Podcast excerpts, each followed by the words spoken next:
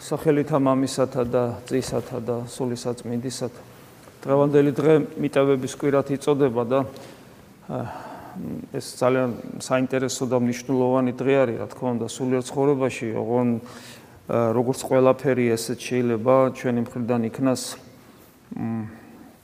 გაფუჭებული და ფორმალობად გადაქცეული და სამწუხაროდ ეს ხდება ხოლმე ხანდახან ესე როცა ადამიანები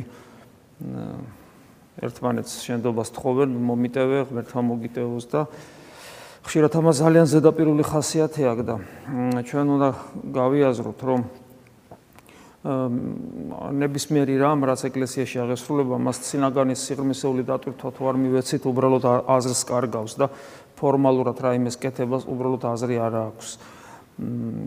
ეს ესია და ახლა ჩვენ შემთხვევაში, რა თქმა უნდა, ჩვენ ერთად უფალმა ესე დაგვადგინა ესე ინება, სხვადასხვა ადამიანები ერთად მოგვიყვანა აქ, დაგვადგინა იმისათვის, რომ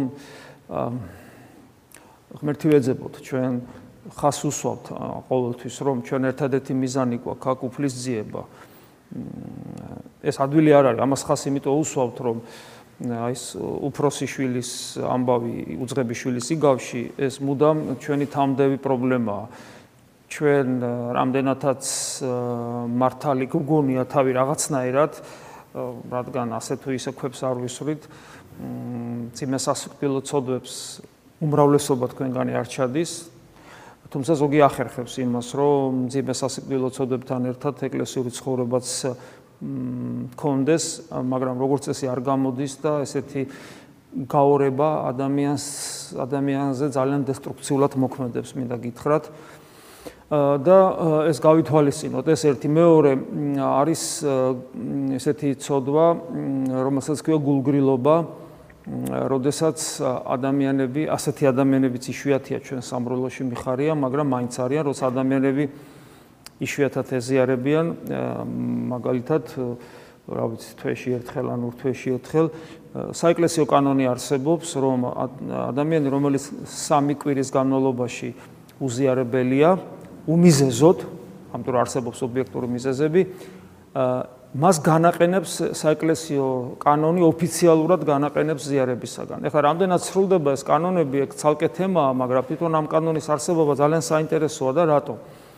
ადამიანი არეზიარება, არეზიარება, არეზიარება, სამი კვირა გავიდა და არეზიარება, კიდე არეზიარება, მე მოდის და აა ეზიარება. ანუ ან ეზიარება, ან ახსარებაზე მოვა და ეზიარება აა ნახეთ ესე იგი სამი კვირა არ ეზიარა, ოთხი კვირა არ ეზიარა და ხო რომ მოვიდა ხო უნდა ეზიაროს, აბა აბა რა უნდა ქნას, ეხლა თლათ უზიარებელი ხო არ იქნება, მაგრამ საეკლესიო კანონი ნახეთ როგორ მუშაობს.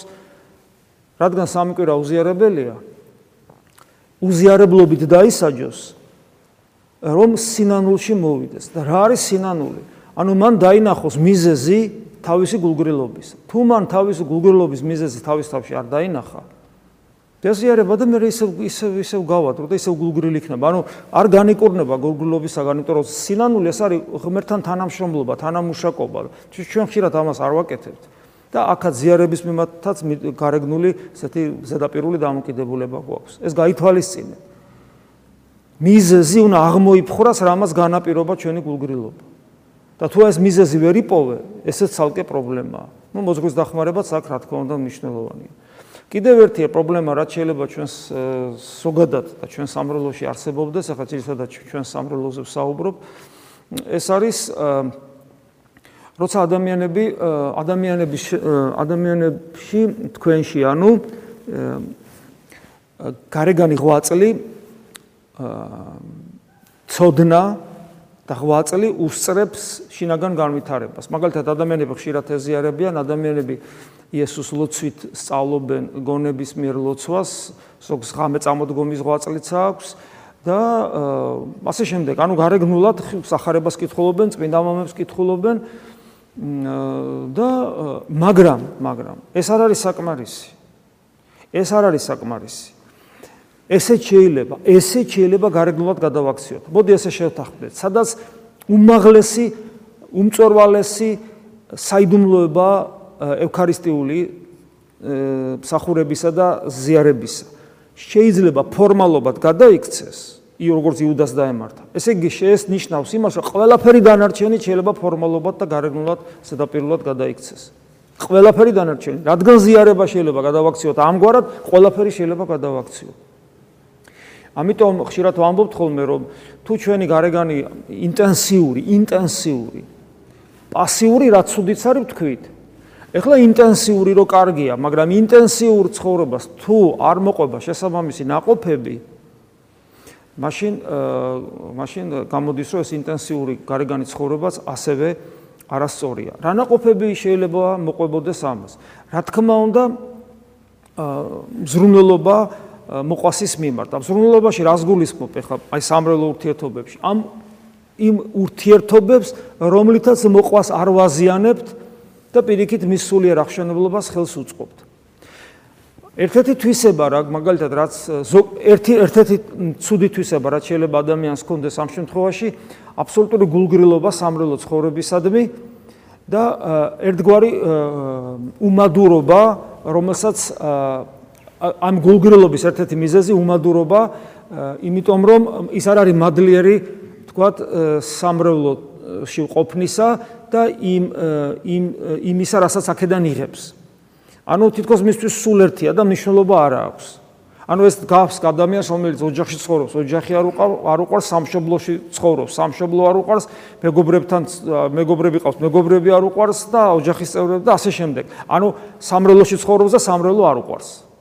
გულგრილი დამოკიდებულება, ზედაპირული დამოკიდებულება, სულ ერთია დამოკიდებულება.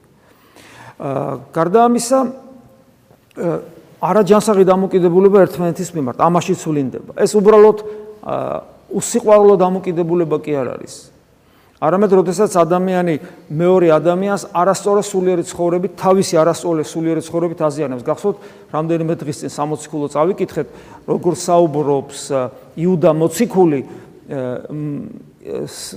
იმრევლის გარკვეულ წევრებზე, რომელთაც სხვადასხვანაირად ახასიათებს და ერთ-ერთი מחასიათებელი იყო რა, წყალქვეშა კლდე. რომელთაც რომელიც ნავებს ამტრებს, რომელიც არ ჩანს.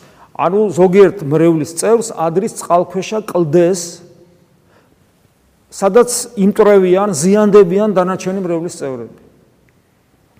ესეც გავითვალისწინოთ. და ხშირად გვითხოვს, რომ ადამიანის შინაგანი მდგომარეობა გადამდებია, როგორც კარგი, ისე ცუდი.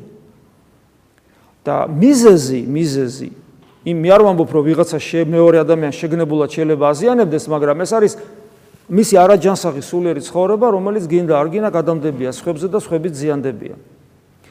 გარდა ამისა, ჩვენში ეს არასწორი ხედვა სულიერი ცხოვრებისა და მარტო გარეგანზე აქცენტი განაპირობებს იმას, რომ ჩვენში სიმდაბლის სათნოება არ მოიხოჭება, მადლი არ მოიხოჭება და პირიქით ხდება და პირიქით რაც ხდება, ის არის დასაყრდენი დემონური ძალებისათვის.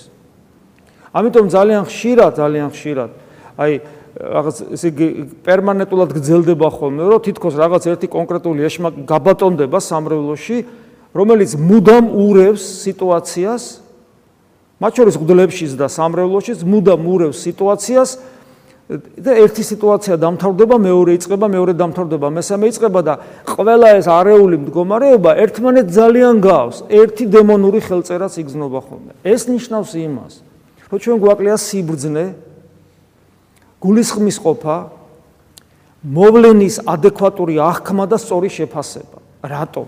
იმიტომ რომ ყველა მოვლენას უყურებთ ჩვენი სიმართლის და ჩვენი სიამაყის ჭრილში ადრეს გითხარით როგორც კი ადამიანი საკუთარი სიმართლი და საკუთარი სიამაყით ხედავს სამყაროს მისი ხედვა არის დეფორმირებული ანუ ეს პრობლემები ჩვენ სამრევლოში რეალურად არსებობს ასე რომ მე ეს მე მესმის ახლა მე ზოგადად საუბრობ, იმიტომ რომ ამაზე მეტი დაკონკრეტება უკვე პერსონიფიცირებას მოახდენს და ამის გაკეთება არაფერთ არ შეიძლება ამბიონიდან. უბრალოდ ყველამ საკუთარ თავში, საკუთარ თავზე ამ შემთხვევაში ვიზრუნოთ და ჩავიხედოთ, ჩვენ ხომ არ გვჭირს. როდესაც უფალი ამბობს ერთი თქვენგანი მიმცემს მე მოციქულები დაიწყებენ, ნუ თუმე, ნუ თუმე.